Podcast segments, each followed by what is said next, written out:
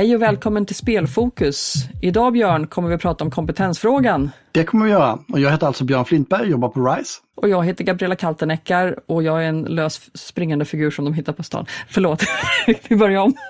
Jag är alltså också från RISE. Ja. Um, i, idag ska vi prata om kompetensfrågan som sagt.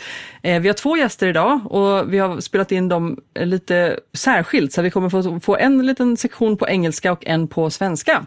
Vi ska alltså prata med William Easton från Future Games och Johanna Nylander från dataspelsbranschen. Ja men det stämmer. Vi fick lösa logistiken på det sättet den här gången. Men det är också intressant och vi har ju valt att prata utifrån två olika perspektiv. Då. Ett, ett branschperspektiv naturligtvis som vad branschen behöver, som Johanna förmodligen kan berätta för oss. Hon är analyschef på dataspelsbranschen, har väldigt god insikt i hur, hur det ser ut med antal utbildade och behoven i branschen. Och sen har vi då eh, Williams perspektiv som till stor del handlar om hur det är att då verka som utbildningsaktör i det här landskapet och de utmaningar och möjligheter som det innebär och hur de jobbar egentligen på, på Future Games. Ja, men without further ado så kanske vi kör igång. Det tycker jag att vi gör. Och då säger jag välkommen Johanna Nylander till podden Spelfokus. Tack så mycket. Vill du eh, presentera dig själv lite grann? Vi är väldigt nyfikna på för nytillkomna tittare som inte känner dig. Vem är du? Jag är analyschef på branschorganisationen Dataspelsbranschen. Eh, vi är medlemsorganisation för de svenska spelutvecklingsföretagen i landet.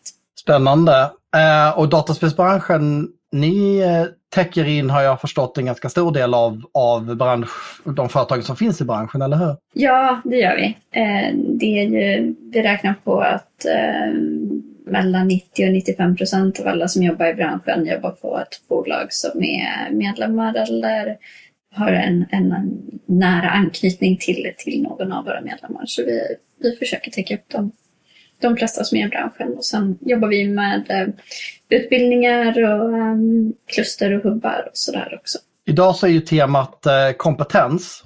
Eh, och kompetensfrågan är ju stor och svår och komplex för, för i princip alla branscher i hela Sverige. Och det gäller ju även dataspelsbranschen. Men innan vi dyker liksom in i hur läget är, eftersom det kanske inte är helt självklart för alla.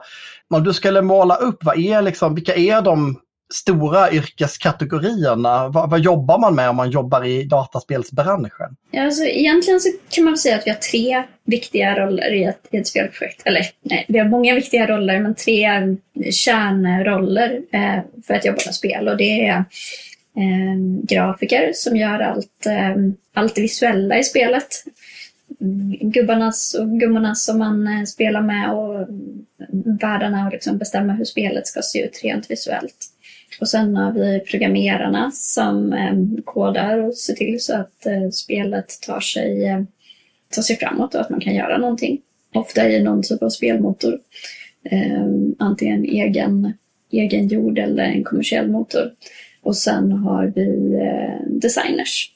Och då är de som ser till så att eh, det här hänger ihop och som bestämmer vad, vad det är gubbarna och gummorna ska göra och hur eh, världen ska se ut rent eh, mer fysiskt än, än visuellt.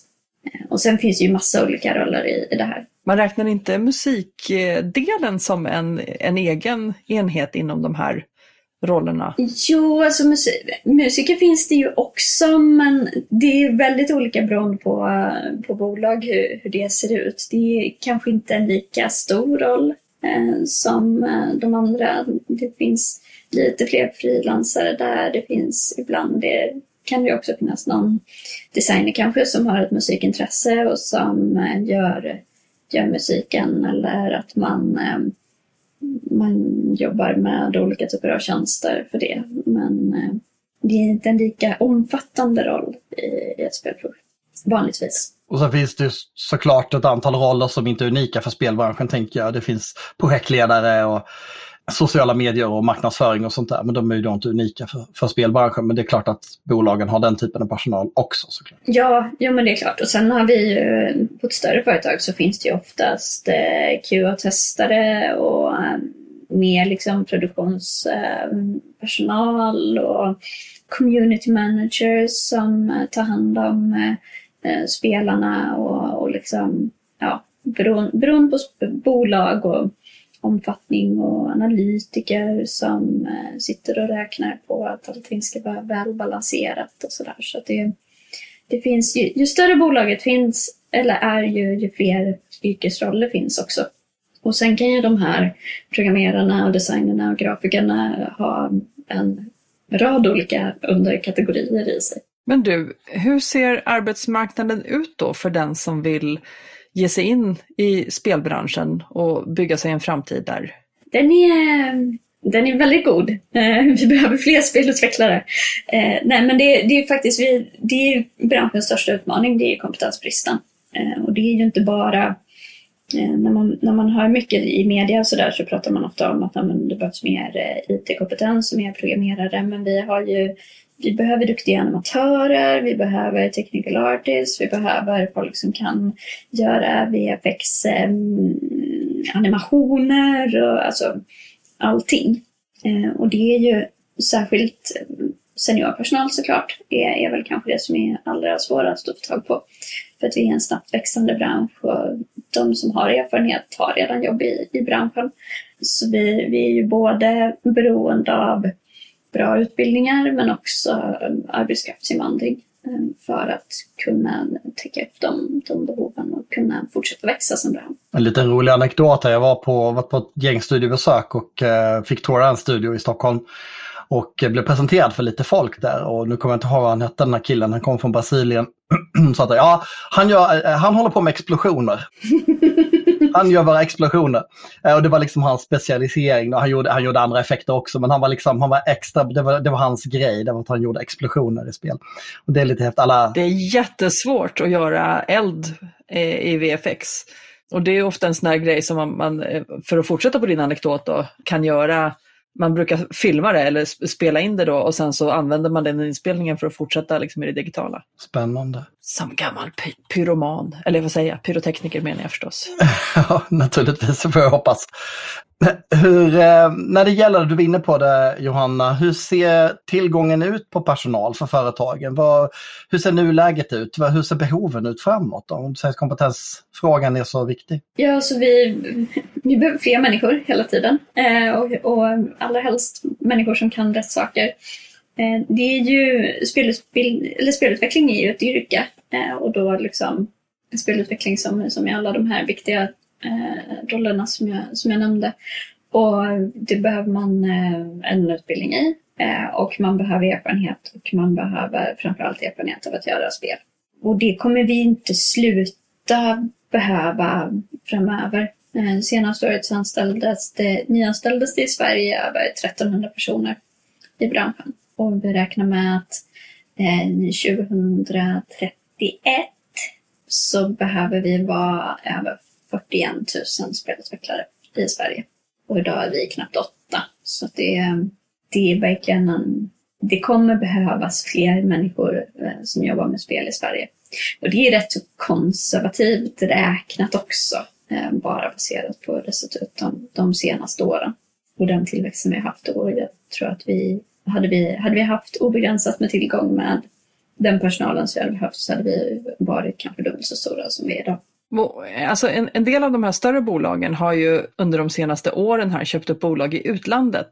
Eh, förutom expansionen så är det ju så är det lite lätt, ligger nära till hands att tro att sådana köp delvis görs för att få tillgång till personal. Delar du den uppfattningen? Ja, men det gör jag absolut. Eh, det ser man ju framförallt i hur det är rena utvecklingsstudios som har blivit uppköpta. Och det är ju det är två stora anledningar som, som gör att man, att man köper en studio. Det ena är att man vill ha tillgång till nya idéer och nya spelprojekt eh, och få in det i sin, sin katalog. Och det andra är att öka produktionskapaciteten och ha fler människor som, som kan spel och som kan fortsätta göra de, de spel som man, som man vill göra. Så det är ju, det är ju väldigt strategiskt. Eh, och ser man på, på vilka, nu är det ju faktiskt väldigt många svenska bolag som köper upp studior utomlands. Trots att vi har en låg krona och eh, har haft det de senaste åren och trots att eh, det ofta är i länder där lönenivåerna är minst lika höga som i Sverige så har vi ju, det, det är ju tydligt att man, man vill åt eh, mer kompetens helt enkelt för att klara av att göra de spel som man vill göra. Hur ser tillförseln ut här i Sverige då? Vem, vem är det som producerar nya eh, spelutvecklare? Hur ser, hur ser den eh, situationen ut? Så vem utbildar för den här branschen? Det är två spår. Antingen så kommer man från en yrkeshögskola eller så kommer man från eh, en akademisk utbildning. Eh, och vi gjorde faktiskt en, jag vet att i Skåne så gjorde Eh, den spelhubben som finns där, Game Habitat, nyligen en, en undersökning där man frågade folk som jobbade i branschen vad man hade för, för utbildning och då var det drygt hälften som eh, där hade gått en yrkeshögskola innan de fick jobb och eh, en dryg tredjedel ungefär som kom från, från eh, en högskoleutbildning.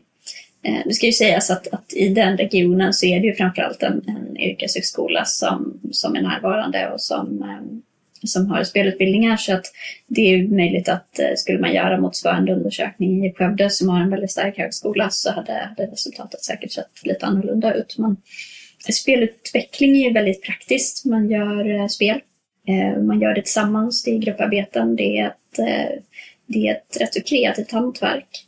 Så att få eh, ha praktik och liksom göra praktisk erfarenhet antingen på ett bolag eller i spelprojekt. Det är oerhört viktigt för utbildningen. Och det ser man ju också att de som, de som går vidare från spelutbildningarna, oavsett om det är akademiskt eller eh, från yrkeshögskolan, så får man jobb för att man har den, de praktiska kompetenserna.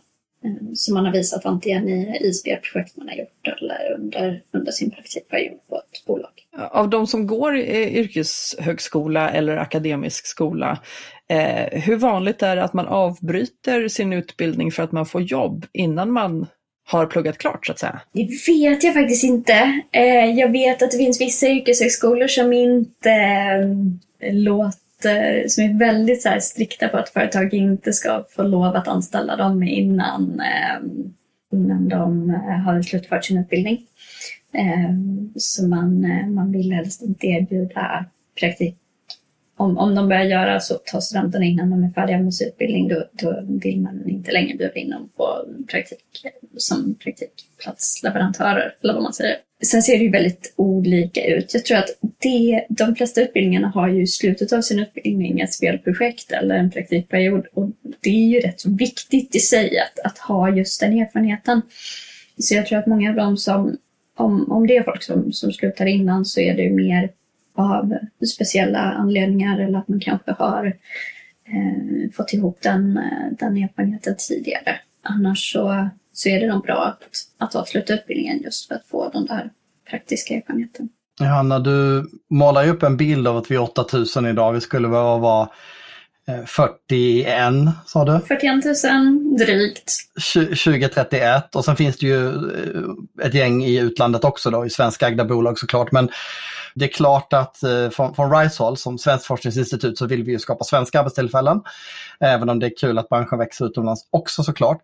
Men vad är det som skulle behöva hända då? Alltså vad, när, du, när du tittar på det här, du jobbar ändå med en branschorganisation som ska stärka de här företagens möjligheter eh, för, för långsiktighet. Vad skulle behöva hända för att få till fler arbetstillfällen i Sverige? Då? Vad, är, det, är, det, är det bara fler utbildningsplatser eller vad, vad behövs mer? Liksom, vad, om du fick önska? Jo, men två saker. Eh, dels eh, som du sa, precis fler utbildningsplatser och eh, bättre liksom, fortsätta med, med hög kvalitet och ha bättre samarbeten mellan eh, skolor och branschen. Det är, det är någonting man alltid kan, kan jobba efter men vi har ju ett underskott faktiskt på eh, utbildningsplatser i branschen. Eh, om man ser till hur många som utexamineras och hur många som anställs varje år så är det ju betydligt färre än, än vad som börjar jobba i branschen. Eh, sen har vi ju den, det andra stora det är ju vettiga regler för arbetskraftsinvandring så att folk kan, kan komma hit och, och jobba i branschen. Eh, idag så har vi haft just nu så har bolagen jätteproblem med korta arbetstillstånd eh, för provanställningar till exempel. Och att det är så oerhört långa ledtider hos Migrationsverket att eh, man hinner liksom inte man hinner inte med att få eh, tillstånd i tid och eh, för att man ska kunna förnya dem. Och eh, det finns de som får arbetsförbud för att eh, handläggningstiderna är så långa och man inte hinner jobba de månaderna som man behöver för att kunna få jobba under omansökningsprocesserna. Så det är ju flera, flera sådana praktiska saker som, som behövs till och där vi behöver bättre regler helt enkelt. Vi ser ju också att det är många som det är många som flyttar till Sverige för att jobba med branschen och det är ju personer som eh, eh, är med och bidrar till samhället. Och, mm, men för att vi ska kunna få dem att stanna i Sverige och bygga en framtid här så behöver det också finnas jobbmöjligheter för partners och, mm, så att man kan etablera sin, sin familj i landet och att vi kan fortsätta att de ska vilja stanna kvar sen och inte bara jobba här i ett par, tre år utan att eh, nästa jobb också blir här så att vi får nytta av den arbetskraften som, som vi fått hit. Och det är ju samma sak när det gäller studenter, att de eh, internationella studenter som kommer hit och läser spelutveckling får möjlighet att, att stanna kvar och, och jobba i, i landet. Om vi fortsätter att blicka framåt då, vad ser du för potential om man får möjlighet att tillgodose de här behoven som vi precis har pratat om? Har vi någon potential i Sverige? Vill folk flytta hit?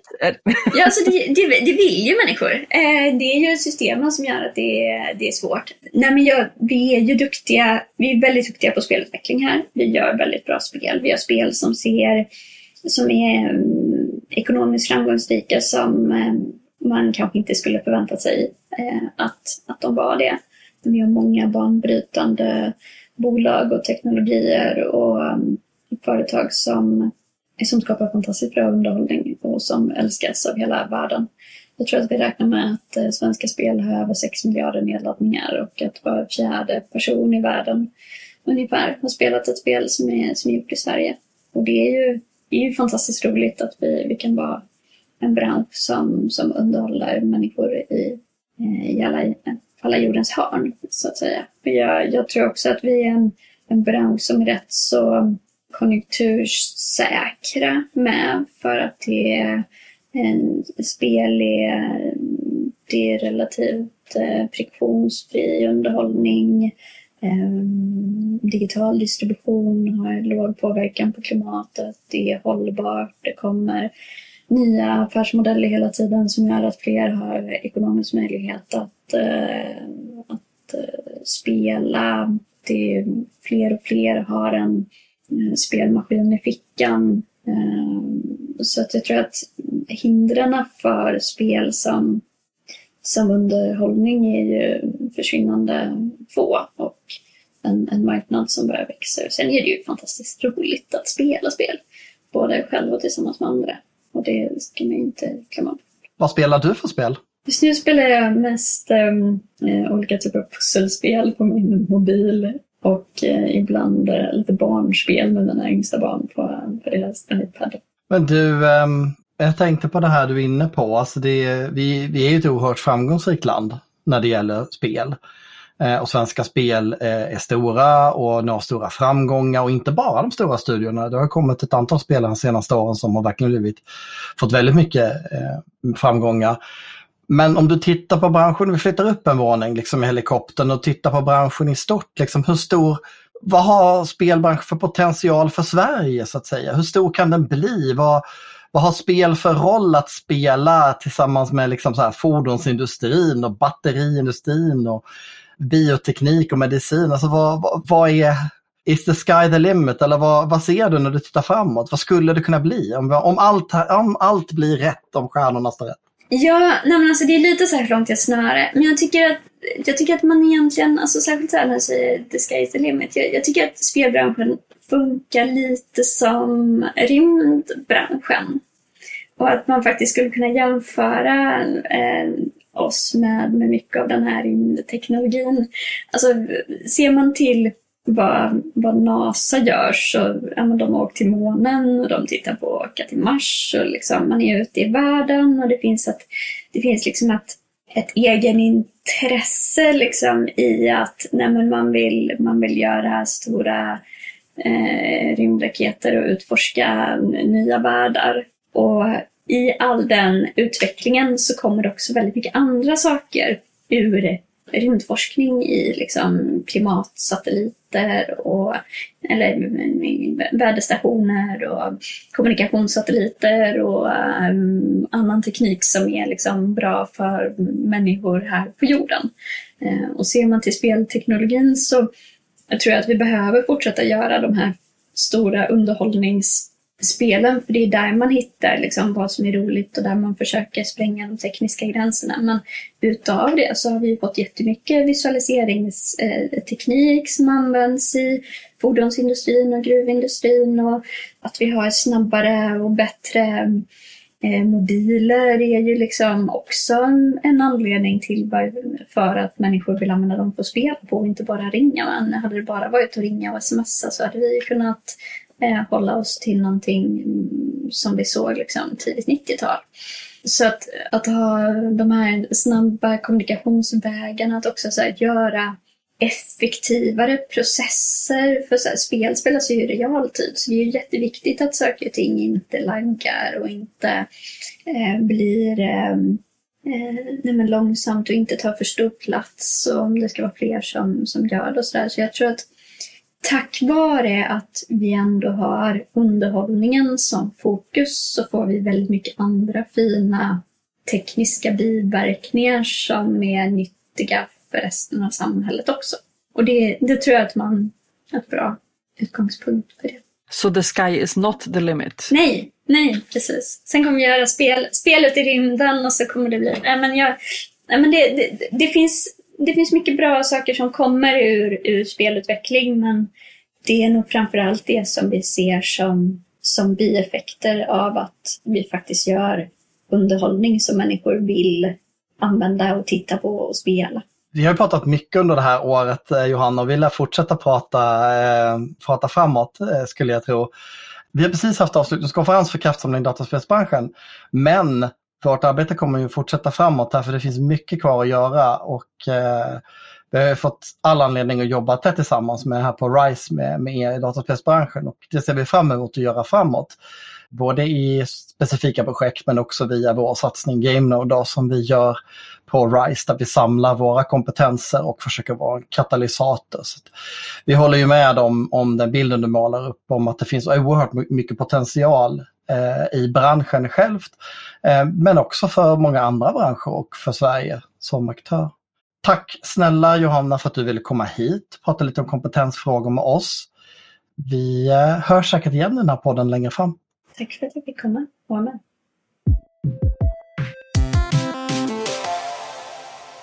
And I want to wish you a warm welcome, William Easton from Future Games. Thank you. Very nice to have you on the show. And um, let's just start. You and me haven't met each other before. I know you and Björn have talked many times, probably.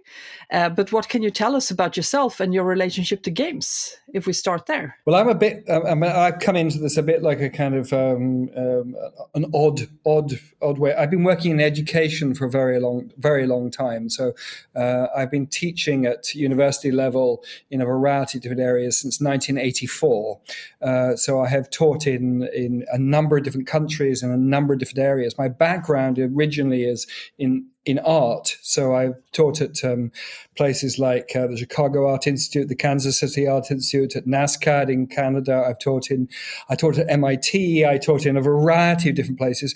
I was the head rector for Berghs for a number of years, working mainly in advertising and design. I've also taught at Cote d'Ivoire. I've taught at blah blah blah blah. I can go on.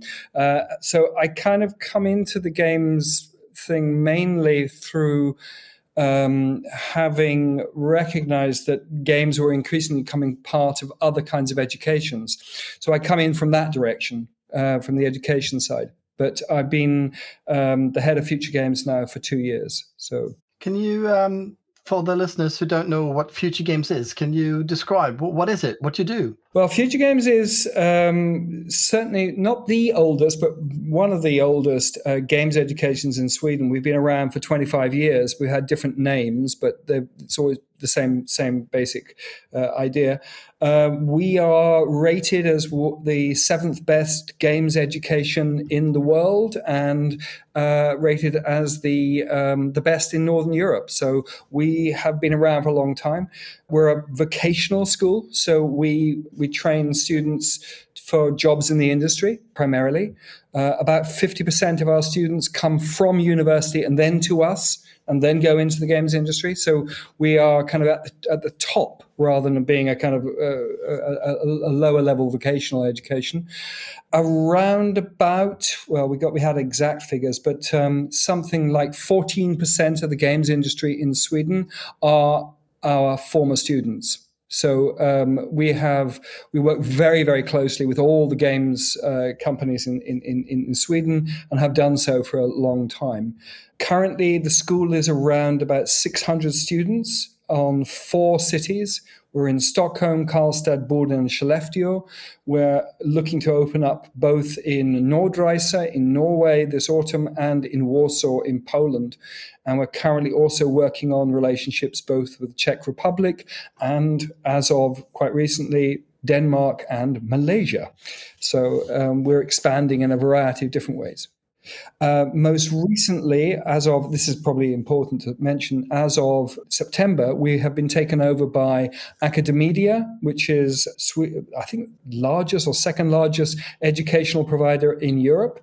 They have hundred and eighty thousand employees in Sweden and 188,000 students in Sweden and mainly in Sweden, but also in a couple of other places. They are also owners of the Game Assembly. So the other main uh, vocational education in Sweden is also owned by the same company. I was just a bit curious from the 50% of your students that come from different university yeah. educations before, what type of backgrounds do, do they have?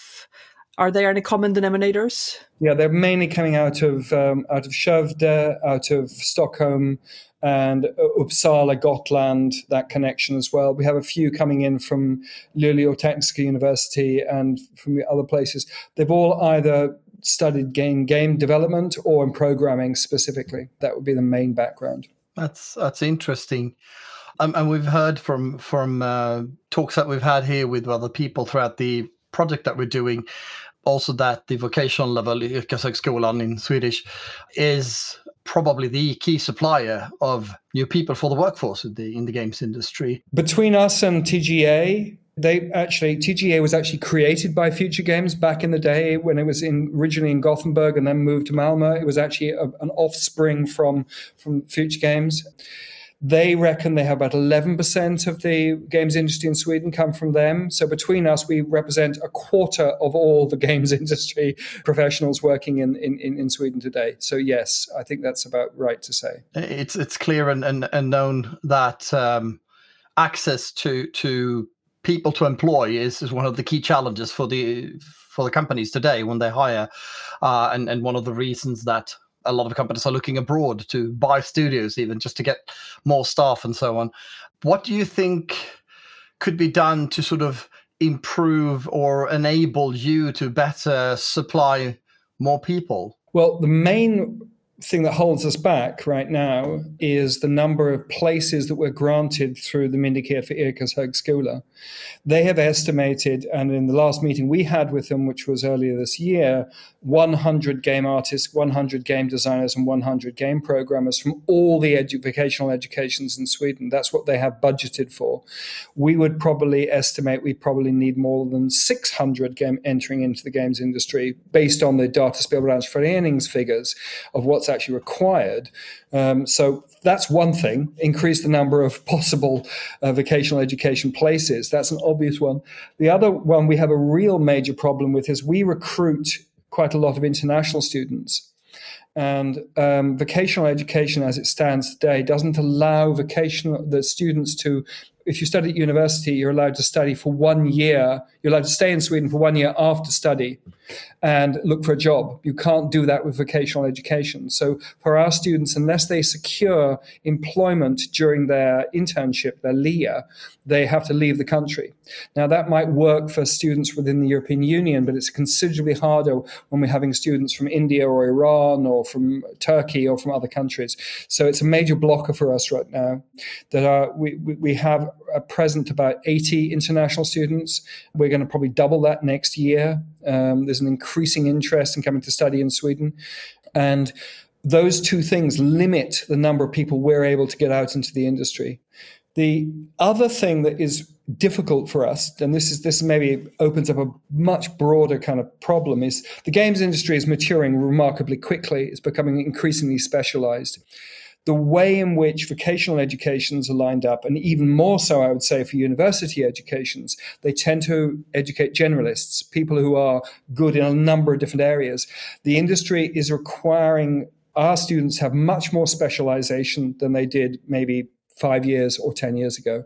So we are changing our educations to a certain degree. We're extending them. We're splitting our educations so that designers, for example, choose level design or systems design, etc. But even that, I think, is probably too little too late. We need to be able to develop educations, be supported by MYH in order to be able to run education which is more specialized, and meaning that we economically, we need to have less students. We're never going to be able to run uh, an education in narrative design or in uh, sound design for games because there aren't the right enough. There aren't enough places for them, both for their internships or even for employment afterwards. But the industry is screaming out for them. They can't find them anywhere else. There's no other education that's providing those those those kind of skills right now. And that I could extend into the programming area. I could extend into into the arts area as well. I would make the same argument there. Do you? Uh, I mean, how, how do you solve that? Do you do you have students specialize within the programs that you have, or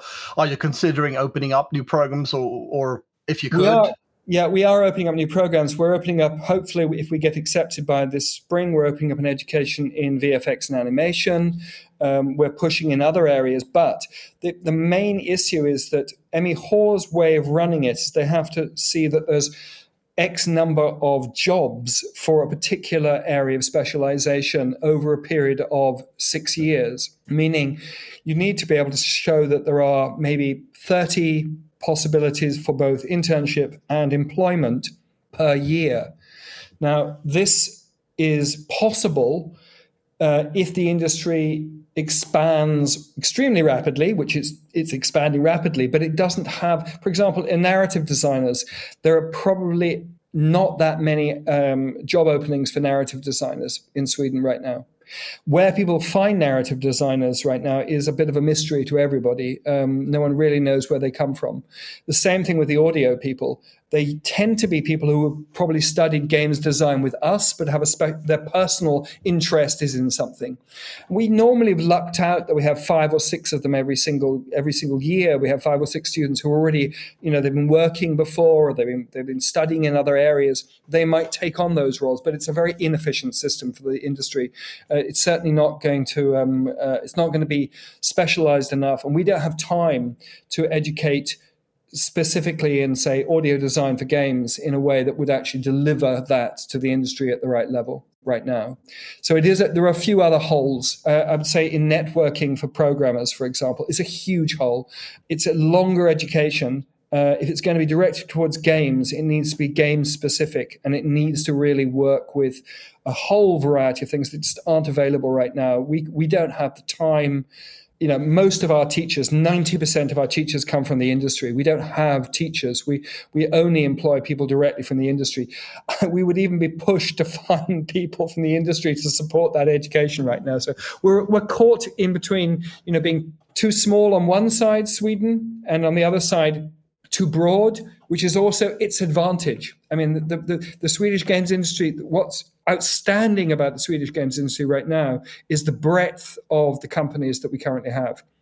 So we have, you know, a number of very good AAA's. We've got some highly, some really exciting indie companies. We've got a lot of companies who are working on very specific technology areas, and that's fantastic. If it's going to continue, if it is going to continue, we need another base, another base of education that's feeding into that. It's not going to carry on as it is right now. So I am concerned about the future because if the Swedish games industry is going to continue in this incredible growth, and maintain that breadth of areas of, of, of, the companies that are emerging, it needs another base of education or another form that we can feed into it. I, I was just wanting to backtrack there until what you said about it. Um, another interesting question that springs to mind is where where do where do the teachers come from? Are they former game developers that have sort of moved on in their career or what type of background we only employ people directly from the industry. So if you're learning sculpting at Futuregames, you're learning with somebody from DICE. If you're learning about, I don't know, whatever, you're learning about programming, you might be li- listening to, you know, Hannah Shinson from, you know, the head of the head of code from Fatshark. We, we 99% of our teachers are industry professionals and they, they give up their time either pro bono or we pay them a miserable salary in order to come in and, and, and, and, and do it for, for little money. Obviously, since we have so many alumni in the industry, we obviously reach out to them as one of the first sources. I was at Hazelight uh, last week, where we have some students doing their, their, their, their, internship, and every single person I met was a former Future Game student. Because when Hazelight first formed, it was basically they took the entire class and, and moved it. And uh, I think Joseph just basically took the entire entire class and said, "Okay, let's make a let's make a studio out of you." Uh, that has not the same anymore, but but it's um, um, yeah, surely that helps. The increasing level of specialization and also in the relevancy of what we have to teach, we cannot use people who've maybe been working in the industry and have left. We have to use people who are absolutely right now making games. And that's across all the areas, I would say. I mean, even in QA, it's the same thing, uh, which we also teach because that was another question that sort of answers another question I had is if you've looked into sort of these because in, the vocational programs aside from these one year and two year programs there are also these shorter courses that they opened up a couple of years ago. If you had looked into that as sort of re- reskilling QA people, for instance, or reskilling other types of designers. But uh, listening to you, yeah, we have a couple of educations that we tried to start, and, and, we're going to reapply this this spring for them. One of them is in accessibility. We we see a real need for the industry to increase their capacity to work with accessibility across a number of different areas. We're looking for a shorter capstone education for industry professionals so they can come in and get get to grips with some of the advancements in accessibility issues across a different number of different areas. It can be in the production side, but it could also be in in kind of like very early stages of games development. But um, definitely dealing with things like technical developments, etc. That's one area. Games marketing is another one we've looked at. We've run courses in games marketing. we have split that between AAA kind of marketing skills and indie because they're totally different. It's like it's no point. They don't have the same content. We are looking at other areas. Uh, one area I'm I, am definitely thinking about right now, and that keeps me up nights, is um, the shift into AI is going to be massive for the whole industry. It already is massive. It's just it's going to be how quickly companies are going to be able to adopting it in different ways. We're definitely looking at the role of art director as a as a future education because it's clear that with the kinds of the ways in which we're going to be producing artworks in for games is going to change very very quickly. I mean we're talking not 10 years ahead we're talking like in 3 or 4 years that asset production is going to be moved in a to- happening in a very different way. Prototyping is going to happen in a different way. Even programming, I've been looking at some amazing uh, companies, particularly in well in the Czech Republic and in Poland, who are working with example writing Microsoft Word documents that you can use as AI, which actually solve a good section of all the bugs in the game. Now that is really really challenging for us. And the industry is going to be challenged as much as we are. We have to be like five years ahead of the industry and thinking where we need to be in five years' time. So we need to start speculating on whether we're looking at an, uh, you know an art director type role uh, quite soon in terms of our applications. I think in the other side of it is going to be absolutely in the area of whatever we want to call it metaverse, multiverse, whatever we're going to call it, the ways in which the skills that game developers have are going to spread across so many other different areas. Uh, we have a number of projects we're working on that, an EU project, we're working with fashion. There, there are other areas we're looking at because it's quite clear that both the edges between games and non games is, is falling apart and breaking apart and becoming different but also the kinds of ways in which the, the skill sets that are going to be needed are going to mutate remarkably quickly. We have a problem, just like the games industry, is that um, I'd say the majority of the students who apply to us, they want to get a job in a AAA company doing X. And by the time they finish edu- their education in two years or two and a half years with us, the industry has already changed. Um, so what they thought of when they've started and where they end up is a totally different thing. So, uh, with that in mind, what is the number one sought after program at the moment? What is the hottest? Programming, I think it, networking is definitely the the area that people really struggle to find. For designers, it's probably, as I said, narrative and and and and um, audio. But I think some tech design things are really they're really sought after, really hot right now. For everybody wants tech designers. I think the it's different for different companies. Um, I've just been talking to lots of companies recently because we're meeting our students who are doing their internships there. One of the things that was clear from from companies like Massive and, and some of the other bigger companies was that they need the students to have much better understanding of pipelines. I mean, we teach a lot of pipeline work already, but they were saying they still need more because they need to fit into much more complex pipelines now than they did, say, three or four years ago. They need to know how to really work with a complex hybrid system of actually of production, and that really requires. I mean, we teach all our students agile and all that kind of stuff. That's all the way through the education. It's more than that. It's it's becoming more specific and new tools coming in all the time in terms of actually how that's going to operate. You know, you you touched on it a, a, a little bit just a second ago when you look at it from from the other angle, so to speak, you mentioned fashion, for instance, that obviously what happens in the game industry is that it's very much at the forefront of adapting to new technologies and and inventing new technologies even, but also in its its methodology in working in cross-functional teams and working collaboratively. If you look at it from from the perspective of other industries, more traditional industries in Sweden, what do you think the the games industry can teach other industries? What is the sort of the, the flow of knowledge and tech transfer into the industry? How could it improve Sweden, so to speak? I think there's a lot of things to be done there. I think I, I, I personally really dislike the term gamification because it indicates entirely the wrong thing. I mean, for example, when we talk to the fashion industry, we're not engaged in teaching, we're not working with tools. That's not what we're doing.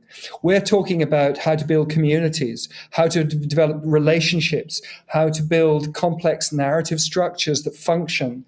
We're talking about levels. We're talking about interaction. We're talking about all those things. We're not talking about you know making a game out of something you already have. We're talking about how are you communicating with your broader networks of c- connected people and how do you want that to happen in the future?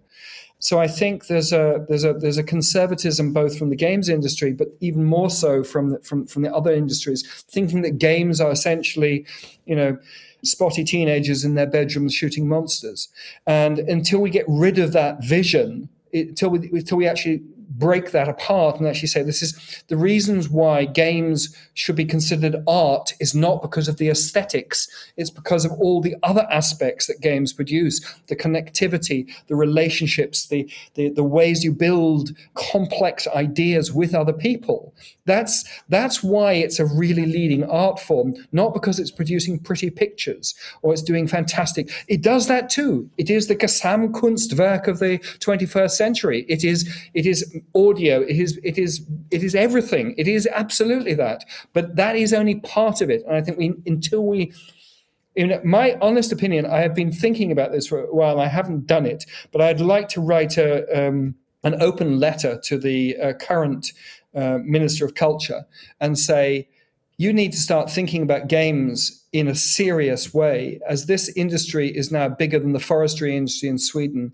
you have to start thinking that this is the most exciting and most developing uh, area of culture that we have today and treat it in the same way as you would treat film or music or other areas. Currently, it's much easier for people to recognize those as cultural artifacts that actually have status. But if, if we talk about games, people are still re- re- reduce them down to what games were 20 years ago, basically. They haven't really seen what's going on. And there are companies like Hazelight who are breaking the mold and producing games which are clearly moving into a whole new area of, of, of, who they're for, how they're played, and what, what you can do with such a game. I mean, collaborative games, cooperative games, all this kind of stuff. So, yeah. But but how do we go about then uh, changing the mindset of our offentliga rummet, as I like to call it? What what are some good methods of getting into getting perceived as a serious industry? I think number one, and and I know that um, Per will Per uh, Strömbäck will agree with me. Dataspelbranschförening Swedish Game needs real muscle. I mean, I go to game conferences and I see other countries, and I see that the the equivalent of the same same same organization in Switzerland is 65 people and Switzerland is not a leading developer of games. In Sweden, it's three people. That is pathetic. That is seriously pathetic. We need some base, an organization that is actually has some political muscle that it can actually affect political decisions at all levels. We are really good at producing the local hubs. We've been it's been outstanding. You've got these great organizations like the Great Journey in, in, in Karlstad and Arctic Game Lab in, in Skellefteå and, and, and the whole of Norrbotten and the Boden Game Camp and Game Habitat. They're doing a great job.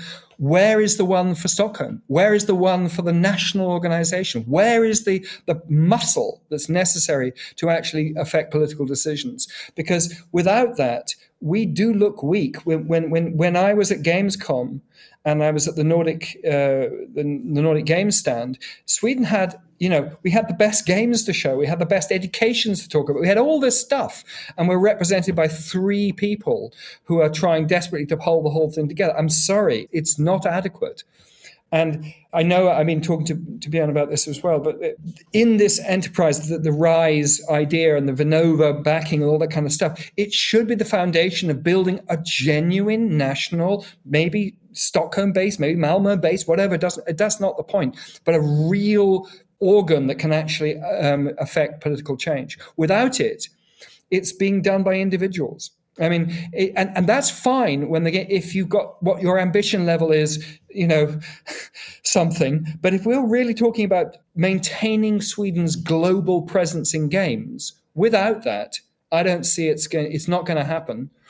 And it is about genuinely using the existing kind of you know political muscle that any the smaller groups have locally, whether it's on the commune level or whatever thing else. But without this national or some kind of bigger kind of force, I can't see that there's a.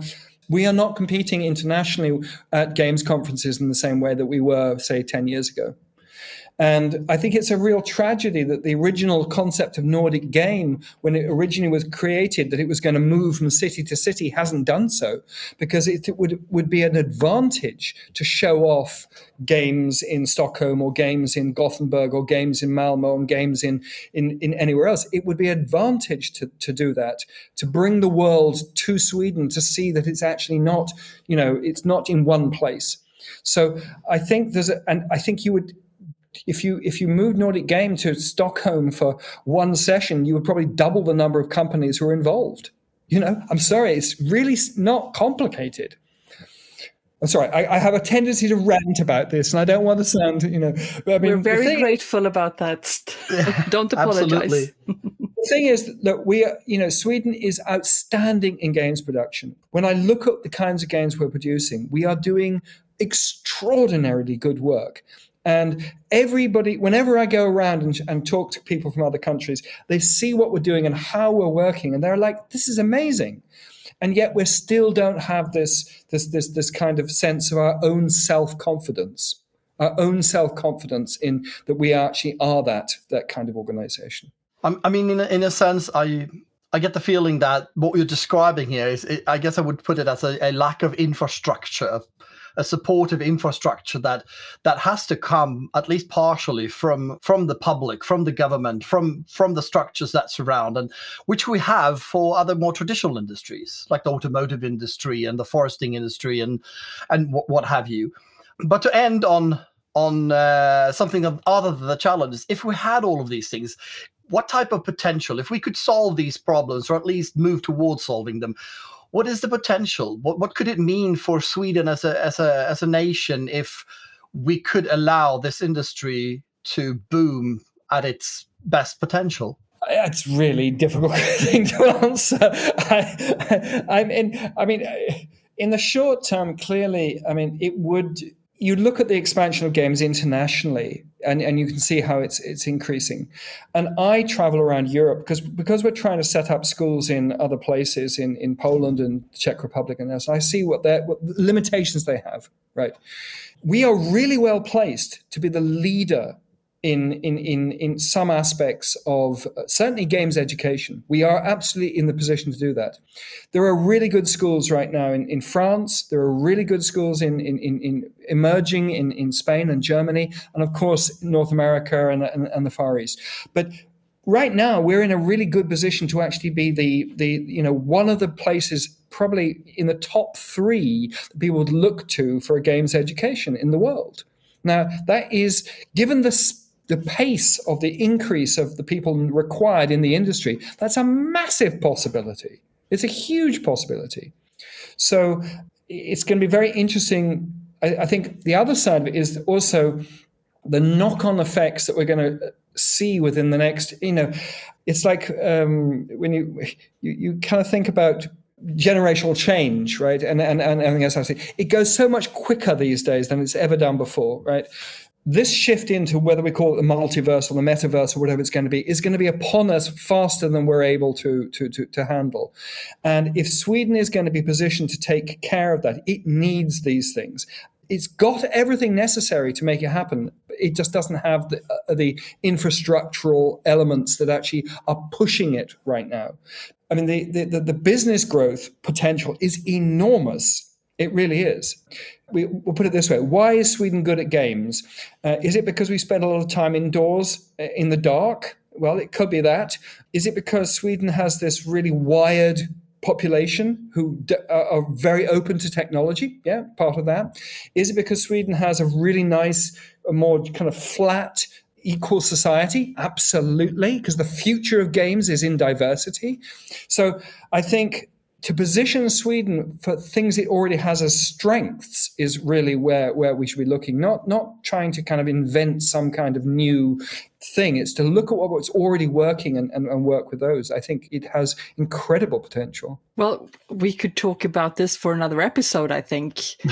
but we need to start rounding to. up. We might have to, yeah. Would you be up for doing a second episode?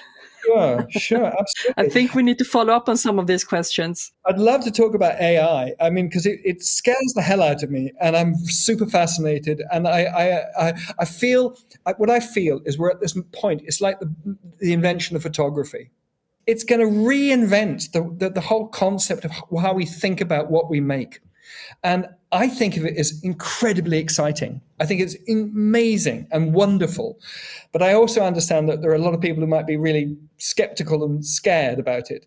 But I, I, think we have to go back into our own histories and say, you know, these things happen. You know, we create photography. Painting didn't disappear, but portraiture changed. You know, I mean, it's like that's really interesting. I, I we've got to embrace this. We have to because it's it's it's going to be it's going to be fantastic I, I, in terms of what it can do. It's, it's just we don't want proprietary ownership and we don't want domination by megaliths, but we, we, we've, there's potential. So yes, I'm more than happy to come back and talk again. Thank you. We basically just need to go to the gym and get ourselves sorted out, and the future looks bright. I thank you for this uplifting. I think so. Actually, I, I, mean, I think there's a it's a cultural shift. It really is a cultural shift. I mean, I notice it with my own students that there's a conservatism amongst them. I mean, I always always say who is the most conservative, and it's probably the students because they they always think they always imagine what games are when they arrive, and then I have two years to unlearn them. And then I think the the in, the industry is kind of conservative too in its way of working. Um, there are some you know there are some real problems that need to be solved there.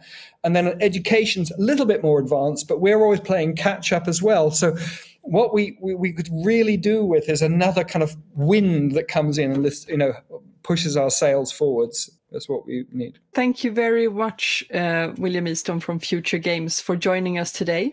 And let's hope we can have another episode soon. Thank you. Okej, nu har vi fått lära oss jättemycket.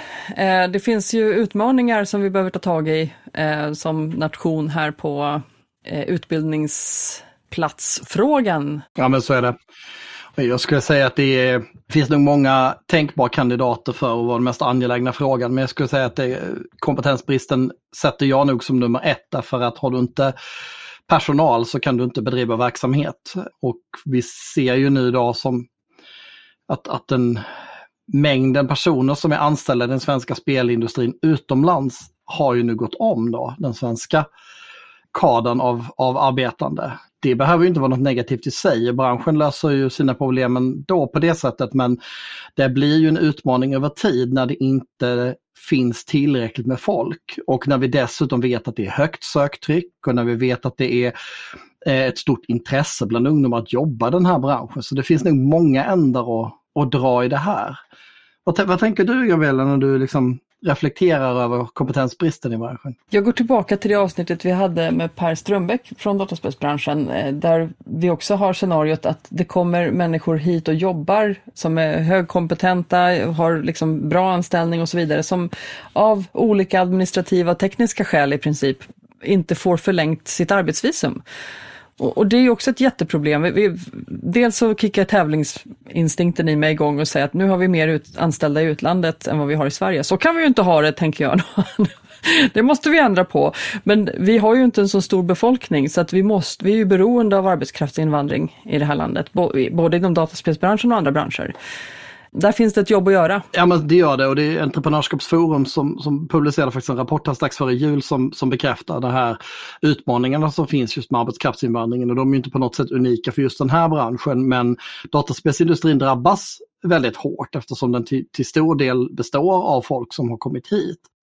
Men jag, men jag tror också att, att, eh, jag menar någonting man kan göra i närtid, man tittar på, på antalet platser till yrkeshögskolan då, som utbildar allra flest i Sverige eh, så skulle det antalet behöva öka och det har ökat ganska rejält. Jag vet att man har efter samtal med, med Myndigheten för yrkeshögskolan så vet jag också att man har skruvat upp de siffrorna. Man har också väldigt bra procent av de som börjar en sån utbildning som också slutför den. Jämfört med andra teknikrelaterade utbildningar om vi pratar programmerarsidan då till exempel.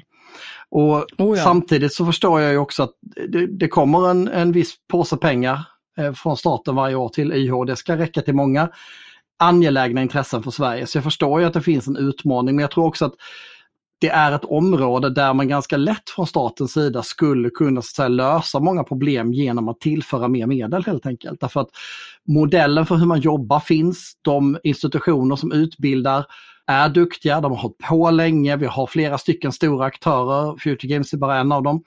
Och vi har kapacitet att utbilda fler. Det som kanske då behövs är att man bereder väg för dem på företagen, att det finns bra möjligheter att få bra praktikplatser, att upplevelsen så att säga ute i, i praktikdelen av en sån utbildning eh, blir värdefull för, för de elever som går. Liksom. Men sen behöver även universiteten får ökade möjligheter att ta in studenter och vi behöver höja medvetenheten. Man kanske behöver titta på eh, hur många som söker sig till den här branschen och kanske kan få upp antalet kvinnor som söker sig till branschen också. Det går ju sakta, sakta uppåt varje år.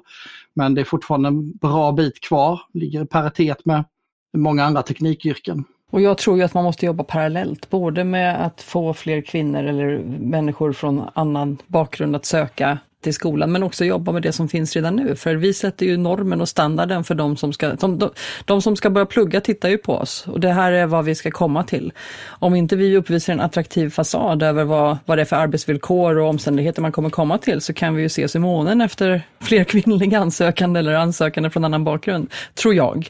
Men, men eh, mm, det finns ett arbete att göra. Det, jag tycker ändå att det finns liksom en, trots att vi är väldigt medvetna om våra problem så tycker jag att det finns en stor positivitet. Vi, vi, vi känner potentialen i branschen, vi känner kraften i branschen och vi känner att det finns eh, rörelser där ute som vill förändra till det bättre. Så att jag vill, jag vill ändå vara optimistisk. Jo, men det tycker jag nog. Och det finns ju alla möjligheter att göra mer också. Så att det handlar bara om att det behöver göras ett arbete. Där kommer såklart legitimiteten och, och, och den förståelse som finns hos beslutsfattare in kring hur viktig den här branschen är för Sverige och hur stor den egentligen har hunnit bli och framförallt hur stor den kan komma att bli framöver när nästa generation och nästa generation som så att säga är uppfödda och uppväxta med spelen kommer ut. Sen din fråga där, eller din, din, din inflikning om, om vikten av att presentera liksom en rätt sorts miljö eller kultur att komma in i, den tycker jag är oerhört intressant. Och den, den hoppas jag vi ska få möjlighet att diskutera nästa vecka när vi ska prata om hållbarhet. Ja, med Emma Ire från Embracer Group. Ja. En stor, stor aktör, den största aktören i Europa faktiskt och definitivt i Sverige. Ja, det ska bli oerhört spännande faktiskt. Men vi lär få återkomma till kompetensfrågan. Jag tror att det är ett av de ämnen som kommer att dyka upp längre fram här i podden igen. Vi kanske ska se om vi kan få lite perspektiv nerifrån också, hur det är att rekrytera eller hur det är att komma in i ett nytt litet bolag till exempel. Det skulle vara spännande.